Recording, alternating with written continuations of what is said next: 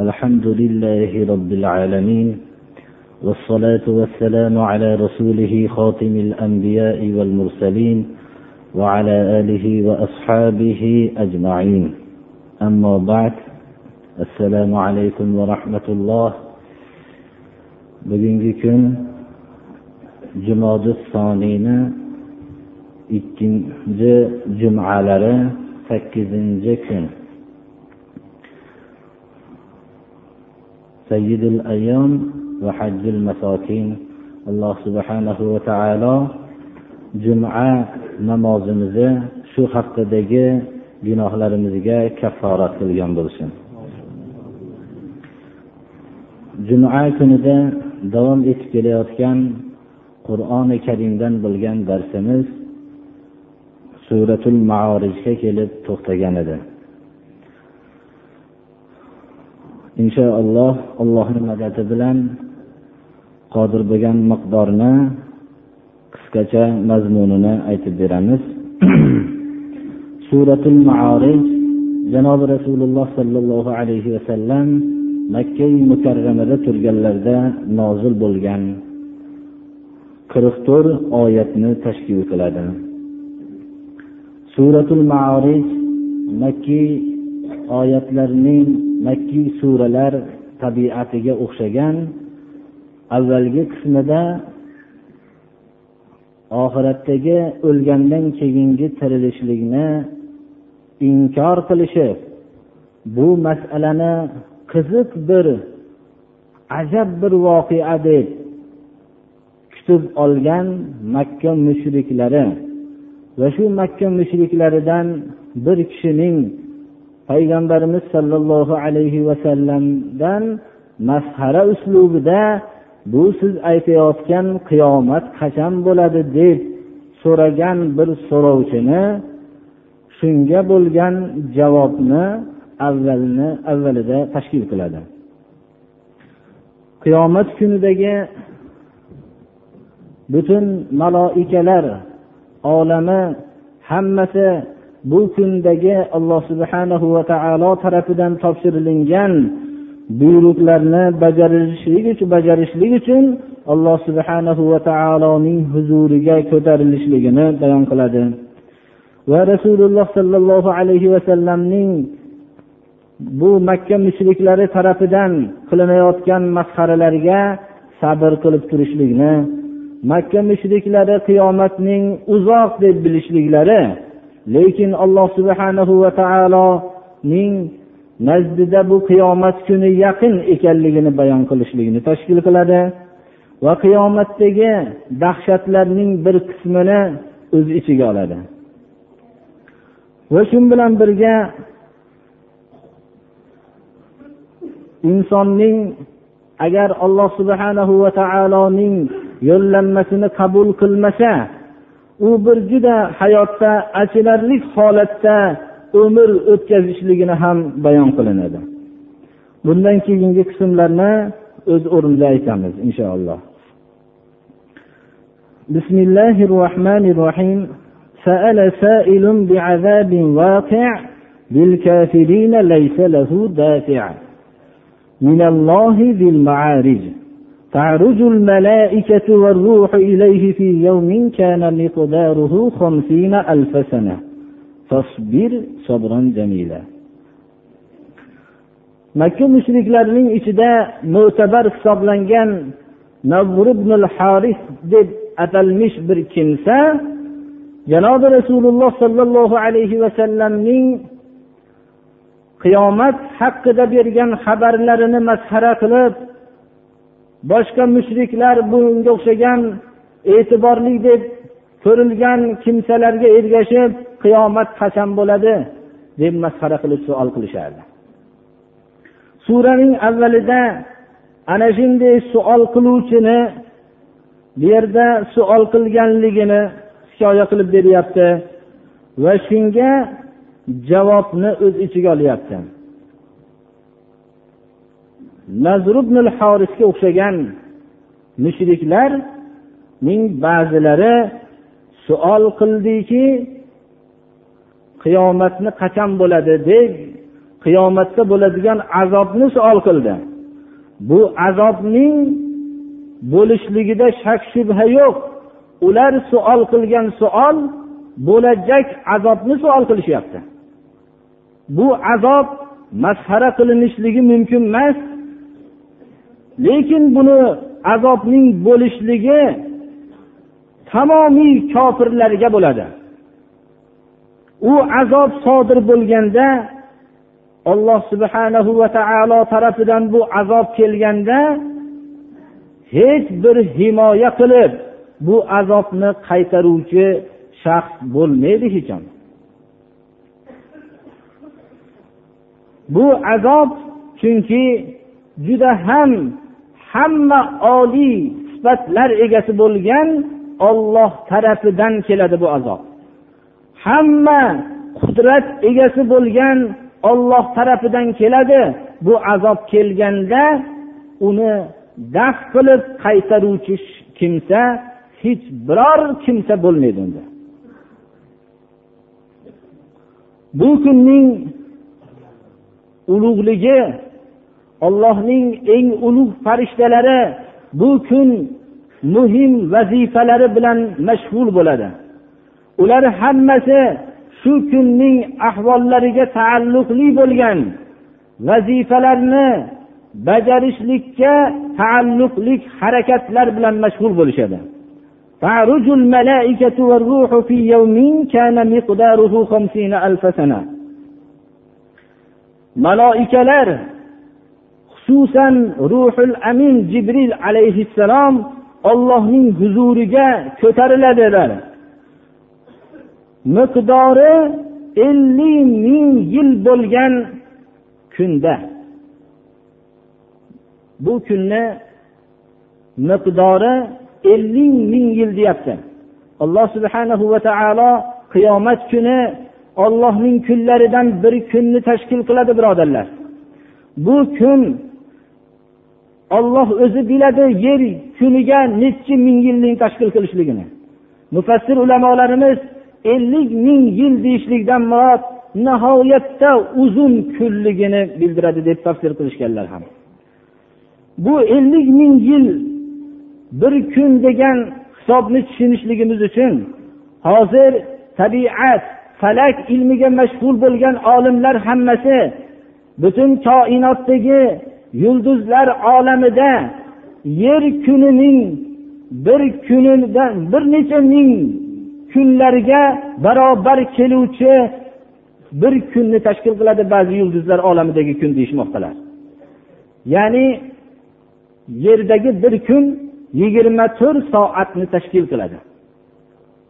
Bu yer sayyorasining quyoshga ro'baro bo'lishlikda bir marta davronini tashkil qiladigan bo'lsa yulduzlar olamida mana biz hozirgi olimlar shunday deyishyaptilarki yulduzlar olamida bir marta o'zining atrofida davaron qilishligi yer kunlarining nechi ming kunlarga barobar bo'ladi deyishyaptilar. Mumkin biz buni fikrimizga yaqinlashtirishlik uchun shu mazmunni aytyapmiz. Lekin haqiqatda ellik ming yil bo'lgan bir kunda maloikalar ruhul amin jibril alayhissalom bular hammasi alloh subhanahu va taolo tarafidan shu kunning muhim vazifalari bilan mashg'ul bo'ladigan kun qanchalik yil bo'lishligi alloh subhanahu va taoloning o'ziga ma'lum birodarlar. Faqat bu narsani biz fikrimizga yaqinlashtirishlik uchun shunday izohlayapmiz. Qur'oni karimda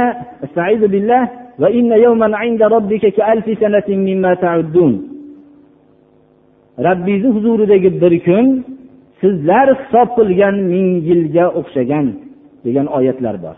Ming yil deyishlik ya'ni nihoyatda ko'p vaqtni tashkil qiladi deganligi.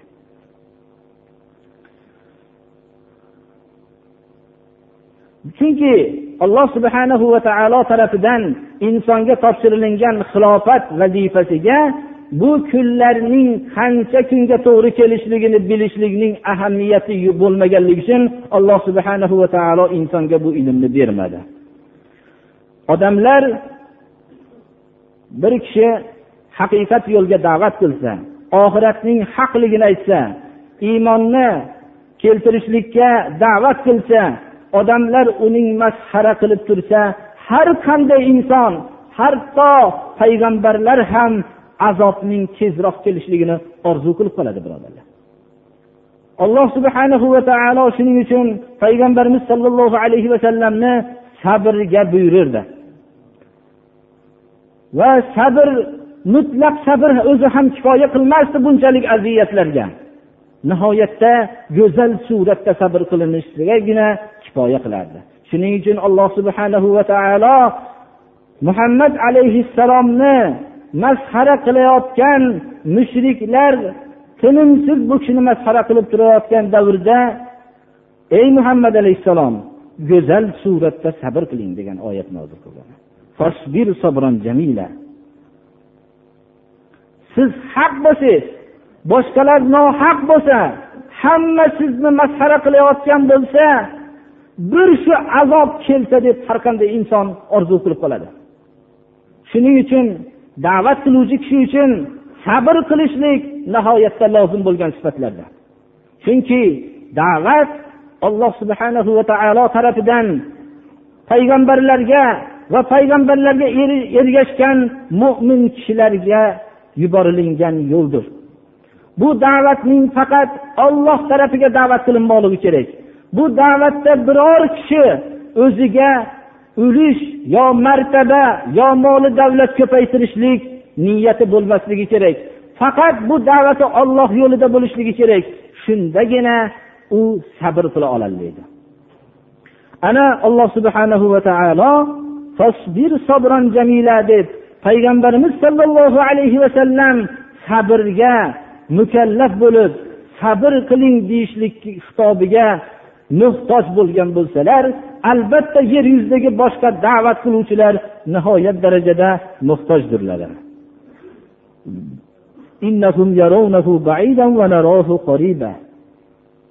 Oxiratga unamagan kishilar azobni juda uzoq deb ko'rishadilar. Azobni oxiratga unamagan kishilar juda uzoq deb ko'rishadilar. Lekin biz deydi alloh taolo uni yaqin deb ko'ramiz. U azob nihoyatda yaqin. Har kim o'zining umriga bir nazar tashlasin. Necha yil umr ko'rgan bo'lsa o'tgan umrini bir nazar tashlasin bir daqiqaga o'xshamaydi. Ammo o'tgan voqealarni hammasini yozib kitob qilmoqchi bo'lsa u kitob arziydigan kitob bo'lsin yo arzimaydigan kitob bo'lishligidan qat'iy nazar juda katta qismni tashkil qiladi lekin bir daqiqaga o'xshamay turadi. Mabodo qolgan umri yana shunchalik bo'lsa xuddi shu o'tgan umrdaqa umr bo'l birodarlar bu. Ana shuning uchun qiyomat azoblari insonlar uzoq ko'rishadilaru lekin u nihoyatda yaqin birodarlar.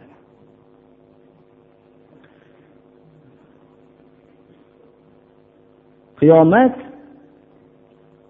qiyomatni inkor qilishmasin qiyomatda ahvolotlar qanday bo'lishligini bilishsin qiyomatning bo'lishligida shak shubha yo'q qiyomatning ta'siridan koinot ham qutulmaydi qiyomatning ta'siridan bu zaif insonlar hech qaysi qutulmaydi يوم تكون السماء كالمهل وتكون الجبال كالعهن ولا يسأل حميم حميما يبصرونهم qiyomat kunida qiyomat kuni shu kunda bo'ladiki o'zining muvozanatini saqlab salobat to'kib turgan osmon koinot xuddi erigan misdek bo'lib qoladi. Qur'oni karimning qiyomat dahshatlari haqida zikr bo'lgan joylarda osmon holatini ifodalanganda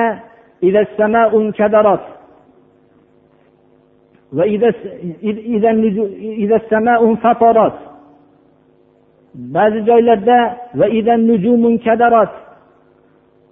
surai ar rahmonda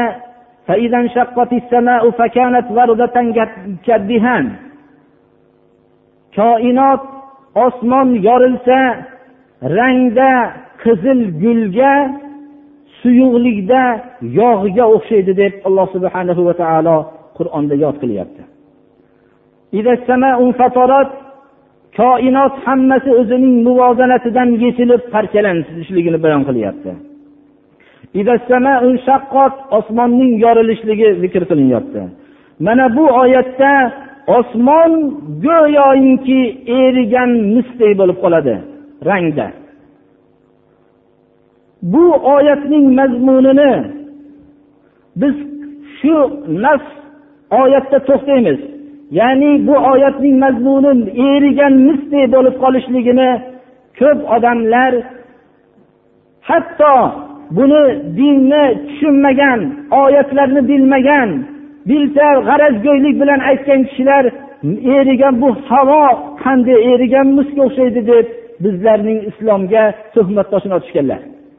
Lekin keyinchalik fan olimlari hozirgi tabiat va falak ilmiga mashg'ul bo'lgan kishilar hammalari aytmoqdaki osmonning tashkil topganligi o'zi alloh subhanahu va taolo butun mana shu oyatda mana isbotlanyapti.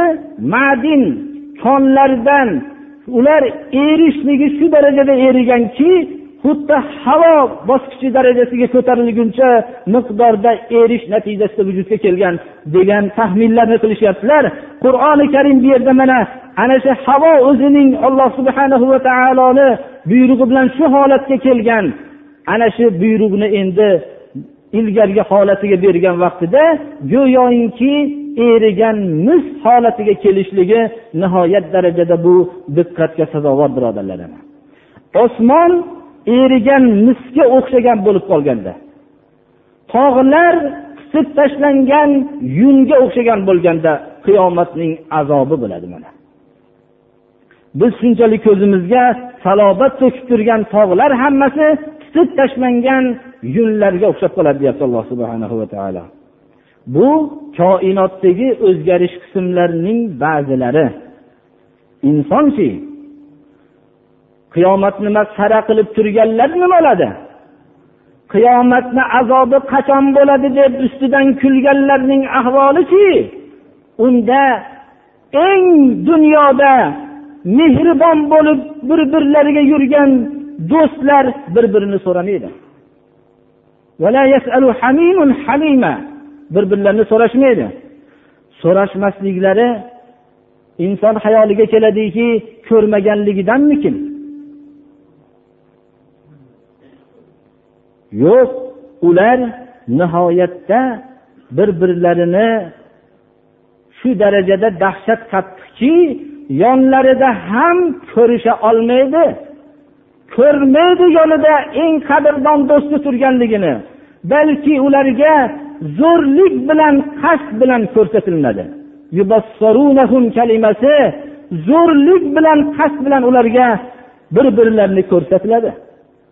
Lekin ko'rsatilgan vaqtda uni hech qanday unga bir birini ahvolini so'ramaydi bu yerdagi dahshat faqat o'zi bilan ovora qilib qo'yadi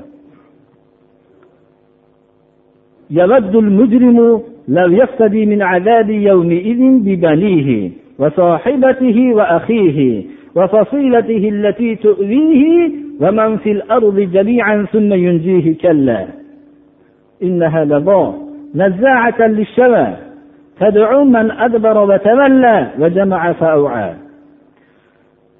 ana qiyomatni masxara qilib yurgan jinoyatchi kofir do'st tutadiki bu kunning azobidan qutulishlikni dunyoda o'ziga eng aziz bo'lgan narsalarni berib ham qutulishlikni do'st tutadi dunyoda hayotini bag'ishlab yurgan narsalarini ham hozir berib qutulsam deb do'st tutadi.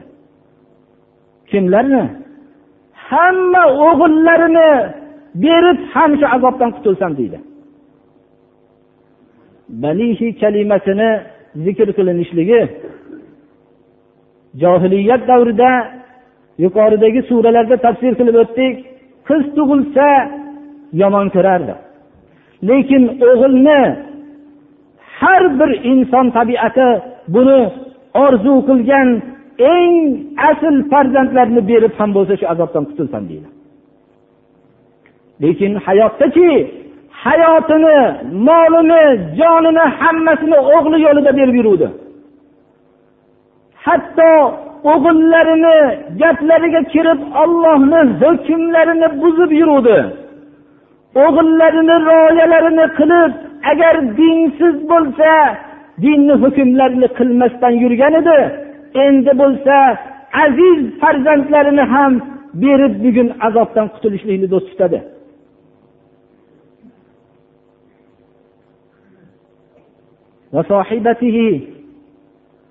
Ayolini berib bo'lsa ham azobdan qutulishlikni do'st tutadi. Ayolini dinni bilmagan ayollarining so'ziga kirib shariatni bilmagan ayolining raylaridan qaytolmasdan shariatni poymol qilib yurgan edi dunyoda. Endi bugun shuni berib bo'lsa ham azobdan qutulishlikni istadi aka ukalarini hammasini berib bo'lsa ham azobdan qutulishlikni do'st tutadi o'zini himoya qilib yurgan yaqin qarindoshlarini hammasini berib bo'lsa ham azobdan qutulishlikni do'st tutadi. Qarindosh urug'larning rioyasini qilib shariat hukmlarini qilmasdan jahannam oldiga kelib qolgan edi. Ana endi bu yaqin qarindoshlari uni himoya qilib yurgan qarindoshlarni berib bo'lsa ham bugungi azobdan qutulishlikni do'st tutadi. Mana uni masxara qilib yurgan kuni shu mana. Unga farzandlar ayollar aka ukalar yoyinki yaqin himoya qilib yurgan qarindoshlargina emas buni berib yerdagi hamma insonni bersayu o'zi najotga erishsa mana shuni do'st tutadi bugun. Yerda najot faqat o'ziga cheklangan bo'lsa ham tanho o'zi qutuladigan bo'lsa ham imkoniyat bo'lsa hammasini berib azobdan qutulishlikni ko'rsatadi. Keyin shularning hammasini bersayu moli davlatlarni hammasini bersayu keyin bu berishligi uni qutqarsa deb do'st tutadi qur'oni karimda shu mazmundagi oyatlar bor agar kofirlar yer yuzidagi hamma narsa ularniki bo'lsa yana shuncha narsa yer yuzi to'la ikki barobar oltin to'la bo'lsayu shu oltinni bersa ollohning azobidan qutuladigan bo'lsa bergan bo'lishardi. Lekin qiyomatda shuni orzu qiladi. Hayotdaki moli davlat topishlik bilan ovora bo'lib shariat hukmini poymol qilib yuradi. Shariatga taklif qilsangiz moli davlat topishlik zarur undan deb sizga aql o'rgatgan edi dunyoda. Keyin shularning hammasini bersayu u berishligi uni qutqarsa shuni do'st tutib orzu qiladi. U orzusi foyda beradimi? Kalla hargiz orzusi foyda bermaydi. Bu bu yerda orzu maydoniga kelgani yo'q jazo maydoniga keldi. Endi bu yerda qilgan hayotdagi amal foyda beradigan maydonga keldi. Endi bu ro'barasida turgan jahannam bu alangalanib turgan o'tdir bu. Lavo nihoyatda alangasi kuchli bo'lgan o'tni lavo deyiladi. Bu o't bo'lib ham nihoyatda dahshatlik hayotda da'vat qilinganda yuzini burishtirib o'zi mutakabbirlik qilgan o'rinlari bosh va yuzlarining terisini qattiq suratda shilib yulib oluvchidir. Shavo deb yuz terilarini va bosh terilarini shavo deyiladi arab tilida. Qattiq suratda da'vatga yuzini burishtirgan edi. Masxara qilish belgilari yuzida ko'ringan edi. Boshini baland tutib mutakabbirlik qilgan edi da'vatga. Ana shu mutakabbirlik qilib burishtirgan yuzlarining terisini qattiq suratda shilib olinadi. Shunaqa o't bu. O't o'zi shunchalik dahshat bo'lishligi bilan birga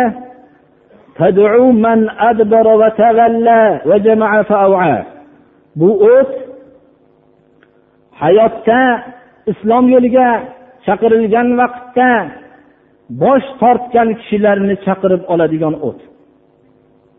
Hayotida buni islom yo'liga da'vat qilganda bosh tortgan edi.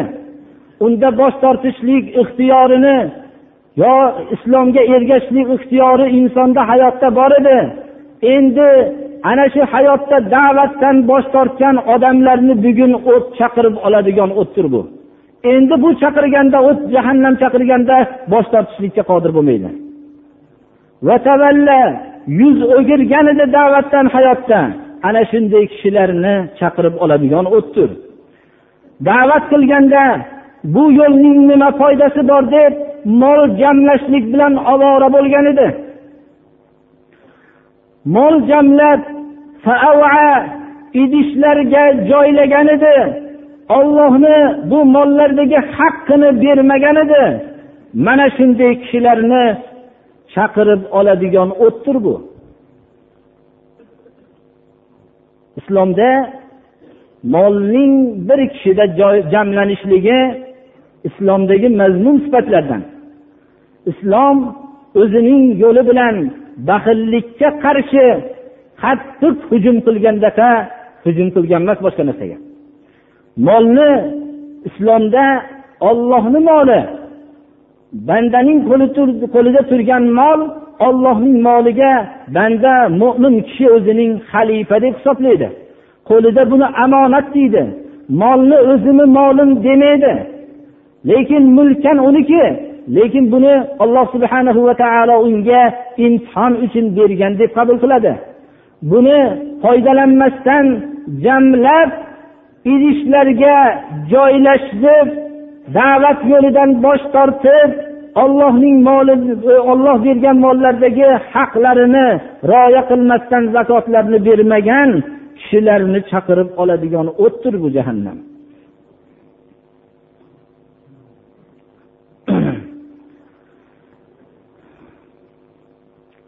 إن الإنسان خلق هلوعا إذا مسه الشر جزوعا وإذا مسه الخير منوعا إلا المصلين. الذين هم على صلاتهم دائمون والذين في أموالهم حق معلوم للسائل والمحروم والذين يصدقون بيوم الدين. والذين هم من عذاب ربهم مشفقون إن عذاب ربهم غير مأمون.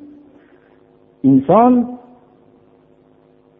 ne'mat kelganda shukur qilmaydigan balo kelganda sabr qila olmaydigan qilib yaratilingan. Inson tabiatiga shunday tabiat o'rnatilingan. Unga yomonlik yetsa besabr yaxshilik yetsa yaxshilik kasbim bilan ilmim bilan topdim deb alloh subhanahu va taolo tarafidan bo'lgan rizq ekanligini esdan chiqarib bu molda ollohning boshqa muhtoj bandalarining haqqi borligini esdan chiqarib o'zining molini haq bo'lgan yo'llarga sarf qilishlikdan bosh tortuvchi tabiati bor insonni. Lekin bu sifatlar kimda topiladi? Namozxon bo'lmagan kishilarda shu sifatlar topiladi. Namoz o'qiguvchi kishilar bundan mustasnodir. Biz mana shu oyatdan islomning namozga qanchalik ahamiyat berganligini bilmoqligimiz kerak. Namoz alloh subhanahu va taolo tarafidan mo'min bandalarga farz qilingan islomning asosiy rukni ekanligida shak shubha yo'q. Lekin namoz haqiqiy bajarilingan namoz insonning nuqsonlik sifatlarini poklaydi birodarlar. Namoz o'qish namoz o'qiguvchilar balo kelganda sobir bo'lishadilar. Ne'mat kelganda mast bo'lmaydilar balki ne'matni imtihon deb qabul qilishadilar kerakli o'rinlariga sarf qilishadilar ular. Namoz o'qiguvchi kishilar o'zlaridagi kerakli moddalar tursa boshqalar foydalanmoqchi bo'lganda uni ularga bag'ishlashadilar foydalantirishadilar. Qur'oni karimda mana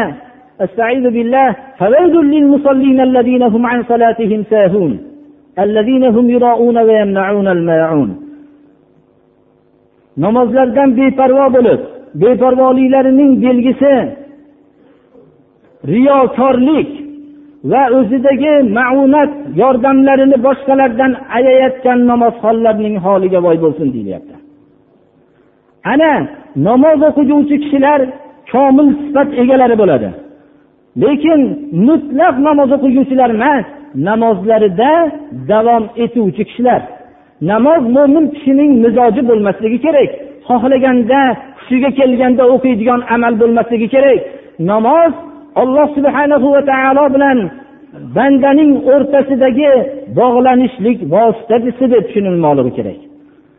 Alloh subhanahu va taoloning namoz bilan insonga bergan marhamati shunday buyuk kattaki olloh o'zi bilan zaif shu insonning bog'lanishligi uchun namozni vosita qilib insonga ta'lim berdi. Buni agar inson o'zi his qila olsa o'zida nihoyat darajada olloh tarafidan katta marhamat ekanligini biladi. Namozlarida davomiy bo'luvchi kishilar yuqoridagi nuqsonli sifatlardan mustasnodir. Namozning har bir namozdan tashqari boshqa yaxshi amallarning ham davomatli bo'lmoqligi sunnatga muvofiqdir. Payg'ambarimiz sollallohu alayhi vasallam aytdilarki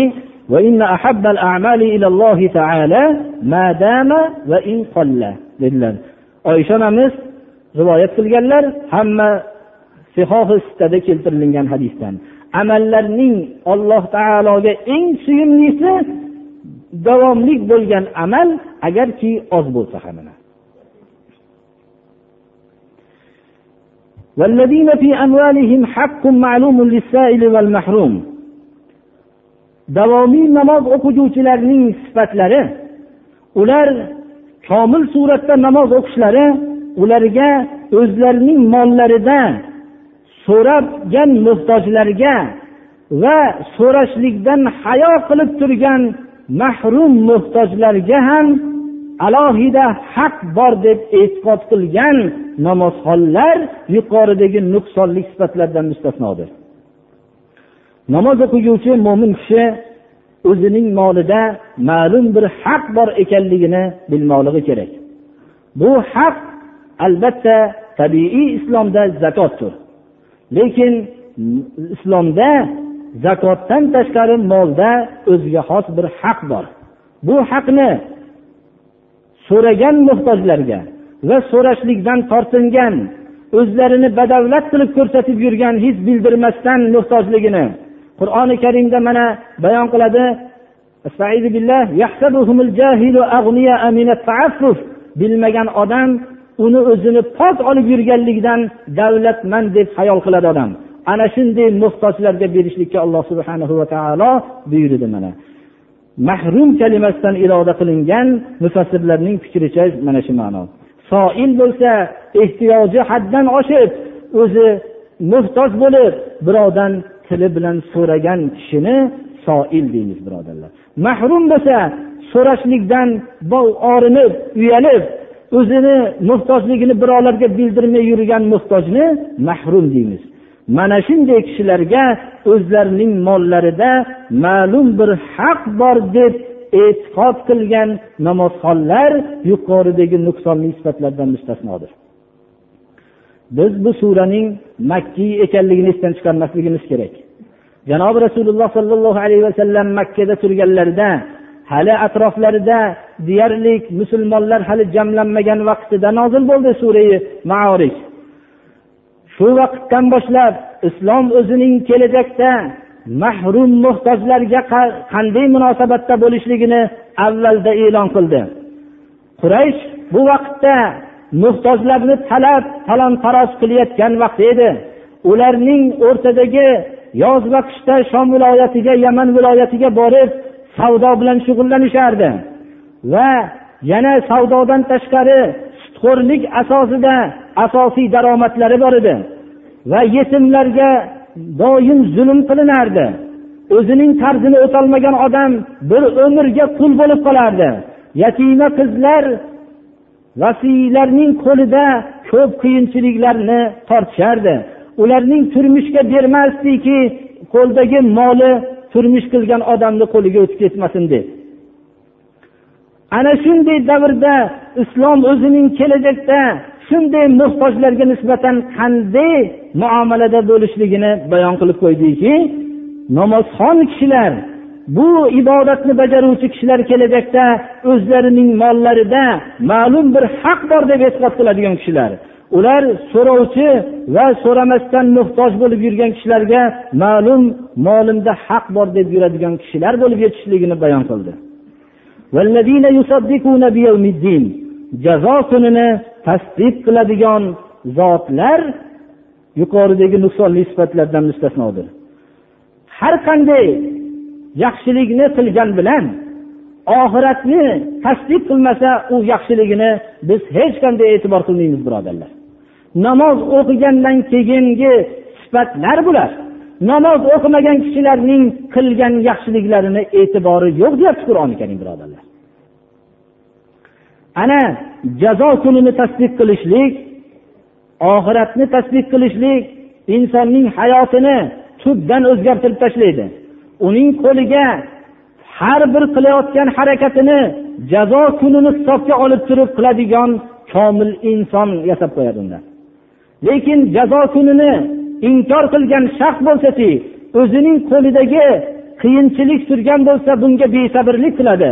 Qo'lida ne'mat turgan bo'lsa bunga mast bo'lib ana shu ne'matdan iloji boricha ko'p foydalanadigan tabiat bilan yashaydi. Mo'min kishi boshiga musibat yetsa sabr bilan o'zini muvozanatda saqlaydi. Ne'mat kelsa unga mast bo'lmasdan bu kelgan ne'matni imtihon deb qabul qiladi. Ana jazo kunini tasdiq qiladigan namozxonlar yuqoridagi nuqsonli sifatlardan pokizadir lekin shuncha yaxshi amallarni qilishsalar ham ular shunday yaxshi amallarni qilyapmiz deb maqtanishmaydilar. Ular doim robbilarining azobidan tashvishlanib hushyor bo'lib yashashadilar. Robbilarining azobi bu xotirjam bo'lingan narsa bo'lmaydi. Doim tashvishda yashashadilar. Ular bu qo'llaridagi narsani ne'matlarni o'zilari imtihon deb qabul qilishadilar. Olloh menga mana shunday ne'matlarni berdi bu imtihondan pok chiqarmikinman degan tashvishda yashashadilar. Janobi rasululloh sollallohu alayhi vasallam ashobi ikromlarning huzurlarida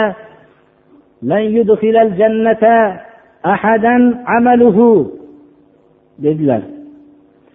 Jannatga hech kimni amali olib kirmaydi dedilar. Jannatda beriladigan mukofotga yarasha inson amal qila olmaydi dedilar. Ya rasululloh sizning amalingiz ham jannatda beriladigan mukofotlarga loyiq emasmi deb so'rashdilar. Aytdilarki vala ana dedilar. Mening amalim ham jannatda beriladigan mukofotlarga loyiq emas dedilar. Olloh meni rahmati bilan burkasa shundagina jannatga kiraman dedilar ana mo'min kishi o'zining qilgan yaxshi amallari bilan mast bo'lmaydi. Qilgan amallarini doim o'zining ixlosining ramzi deb ko'rsatadi. Tinimsiz suratda rabbining azobidan tashvishda bo'ladi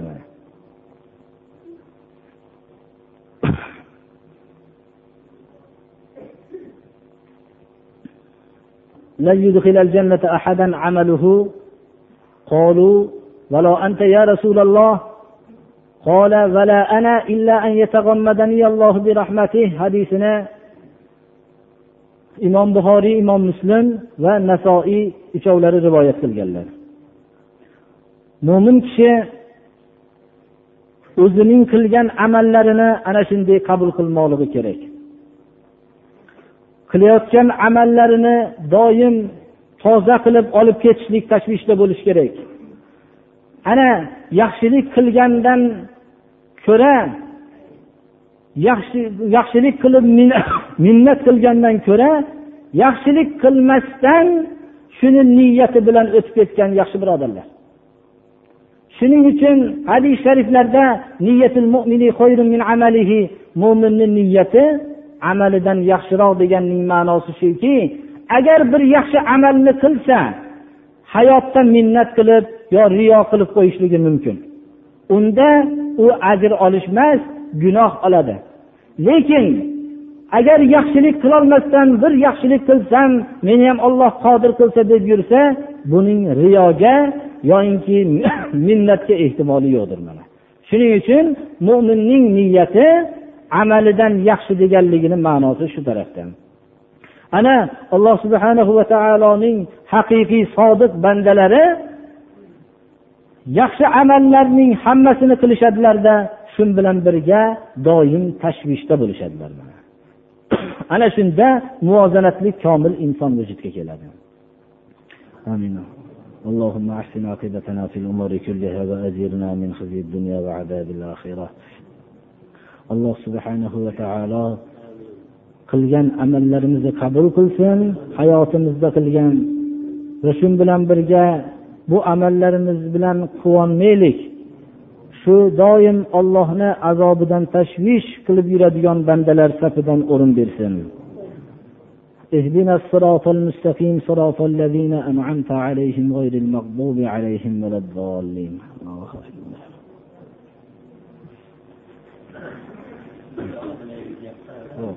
va taolo to'g'ri yo'ldan chiqarmasin. Alloh o'zi ofiyat bersin. Amallarimizni ham bizni ham saqlasin shunday riyo sumalardan. To'g'ri yo'ldan chiqarmasin. Shu bilan birga hamma birodarlarimizni ham to'g'ri yo'ldan chiqarmasin. Islom diniga quvvat bersin. Allohu akbar. Ikktalari savol qilishdilar. Duo qiling dedilar. Ikktalari namozgacha qanday holatda o'tirilishi kerak dedilar. Masjidni odoblari endi imom xutbaga chiqqandan keyin shunga quloq solib o'tirilishligi kerak. Unaqa o'zaro masjidga kirgandan keyin har xil dunyo gaplari bilan shug'ullanmasligi kerak. Bir ikki mana peshin namozlarda masjid odoblaridan aytgan bo'ldik. Masjidlarda savdo ichida savdo qilishlik yoki yo'qotgan narsalarni e'lon qilish mana shu narsalar mumkin emasliklarini aytdik. Ba'zi nimalardan so'rasa yana kengroq aytilgan. Albatta masjidni odobi o'zi kelgandan keyin pokiza yaxshi holatda kelib o'zi e, xutba o'qilayotgan bo'lsa maizaga quloq solib o'tirilishi kerak foydalanib. Xususan mana darsga o'xshagan bo'lib bo'lyapti. Qur'on kitoblarini olib kelib qarab turishsalar bilgan kishilarga ancha foydali bo'lsa kerak.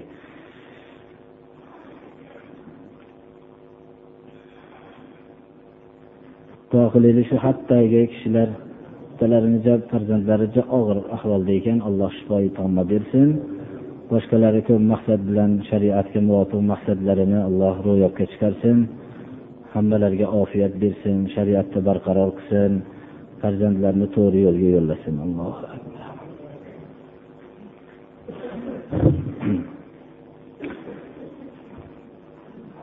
الحمد لله رب العالمين والصلاة والسلام على رسوله خاتم الأنبياء والمرسلين وعلى آله الآمرين بالمعروف والناهين عن المنكر إلى يوم الدين. أعوذ بالله من الشيطان الرجيم. ضرب الله مثلا للذين كفروا امرأة نوح وامرأة لوط كانتا تحت عبدين من عبادنا صالحين فخانتاهما فلم يغنيا عنهما من الله شيئا وقيل ادخلا النار مع الداخلين. وضرب الله مثلا للذين آمنوا امرأة فرعون إذ قالت رب ابن لي عندك بيتا في الجنة ونجني من فرعون وعمله ونجني من القوم الظالمين. ومريم ابنة عمران التي أحصنت فرجها فنفخنا فيه من روحنا وصدقت بكلمات ربها واكتبه وكانت من القانتين. الله سبحانه وتعالى شو آية كلمة كافر للجاء مثل بيان قلب برد نوح عليه السلام من أيال بلن نوح عليه السلام من أيالنا. Bayon qilib bermoqda. Nuh alayhissalomdek ulug' payg'ambarning va lut alayhissalomdek ulug' payg'ambarning ayollari aqidaga xiyonat qilgan edi. Ularni aqidaga xiyonat qilganliklari sababli payg'ambarlar xonadonida bo'lishligi ularga foyda bera olmadi. Ularni alloh subhanahu va taolo tarafidan qiyomat kuni kiringlar do'zaxga kiruvchilar bilan birga deyiladi. Aqidaga agar xiyonat qilgan bo'lsa payg'ambar xonadonida bo'lishlik foyda bermasa aqidaga xiyonat qilgan ulug'zoda eshiklar xotirlarini jam qilishsinlar ularning aqidaga xiyonat qilishliklari albatta do'zaxga olib kiradi. Alloh subhanahu va taolo shu bilan birga aqidaga vafodorlik qilgan eng dunyodagi zolim bo'lgan fir'avnning ayolini mo'min kishilarga zarbi masal qildi. Aqidaga vafodorlik qilishlikda shu darajada sodiqa bo'ldiki fir'avnning ayoli. Fir'avndek yer yuzining eng katta zolimi eng katta podshohi xonadonida turgan fir'avnning ayoli aqidaga vafodorlik qilib u yashayotgan xususan ayollar ishqiboz bo'ladigan dabdabalarning hech qaysiga ishqiboz bo'lmadi. U shunday katta qasrda yashashligini e'tiborga olmadi. Ularni ko'rmaslikni xohladi balki rab taologa murojaat qilib xudoyo o'zingni huzuringda jannatda menga qasr bino qilgin deb iltijo qildi. Alloh subhanahu va taolo duosini ijobat qilib aqidaga vafodorlik qilganligi uchun alloh subhanahu va taolo kamolot hosil qilgan ayollarning avvalidan joy berdi. Shu bilan birga kamolot hosil qilgan ayollardan alloh subhanahu va taolo mo'mina ayollari yaxshi quloq solishsin. Maryamni namuna qildi. Maryam iso alayhissalomdek ulug' payg'ambarning onasi bo'ldi. U kishi pokiza hayotida pokiza edi. Bo'xton toshi otildi hatto shunday pokiza ayolga ham. Ana shunday alloh subhanahu va taolo pokiza ekanligini qur'oni karimda bayon qilyapti. Va rab so'zlariga sodiq qoldi. Va shu bilan birga eng oliy xudojo'ylar safidan o'rin oldi deb alloh subhanahu va taolo bizga namuna bayon qilyapti. Bizga shu narsani aytib beryapti. Biz afsus agar dadamizdan yo boboyimizdan biror bir tagi bo'shmi yo haqiqatmi biror narsani eshitgan bo'lsak bizga shuni bayon qilib quloq soling bolam yo nabiram desa uni o'lib ketgunimizcha doim zikr qilib yuramiz.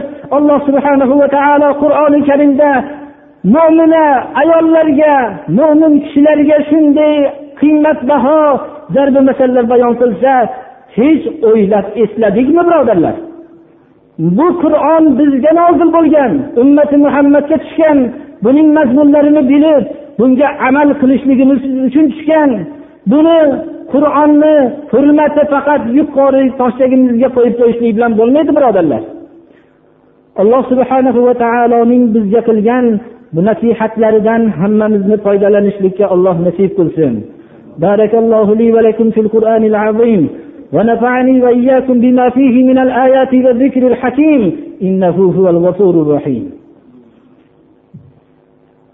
الحمد لله رب العالمين وأصلي وأسلم صلاة وتسليما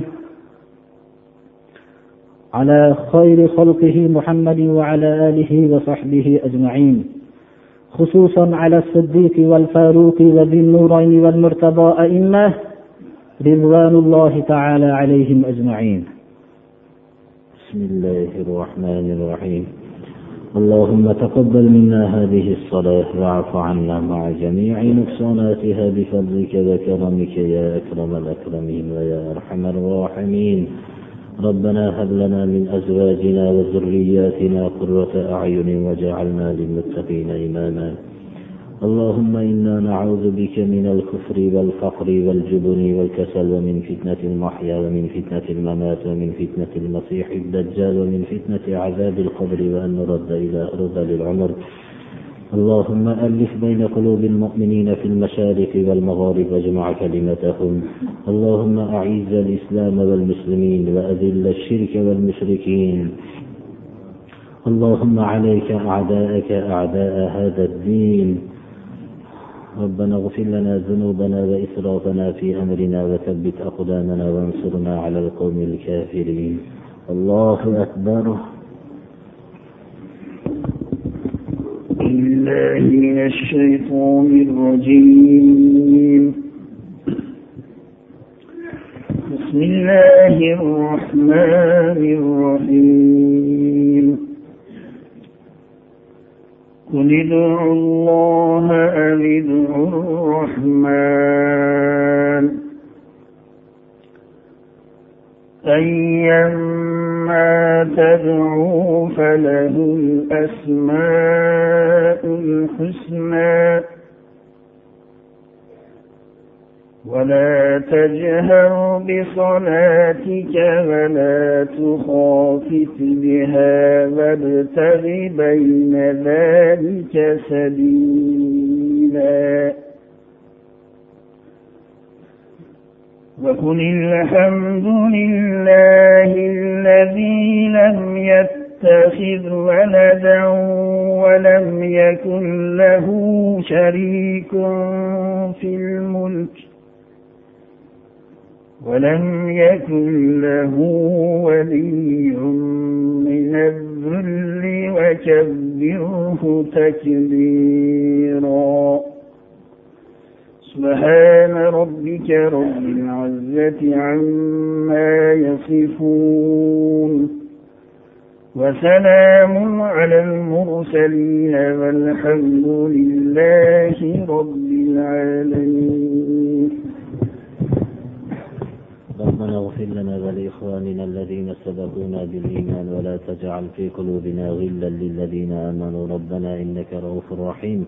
اللهم ارحمنا بالقرآن العظيم واجعله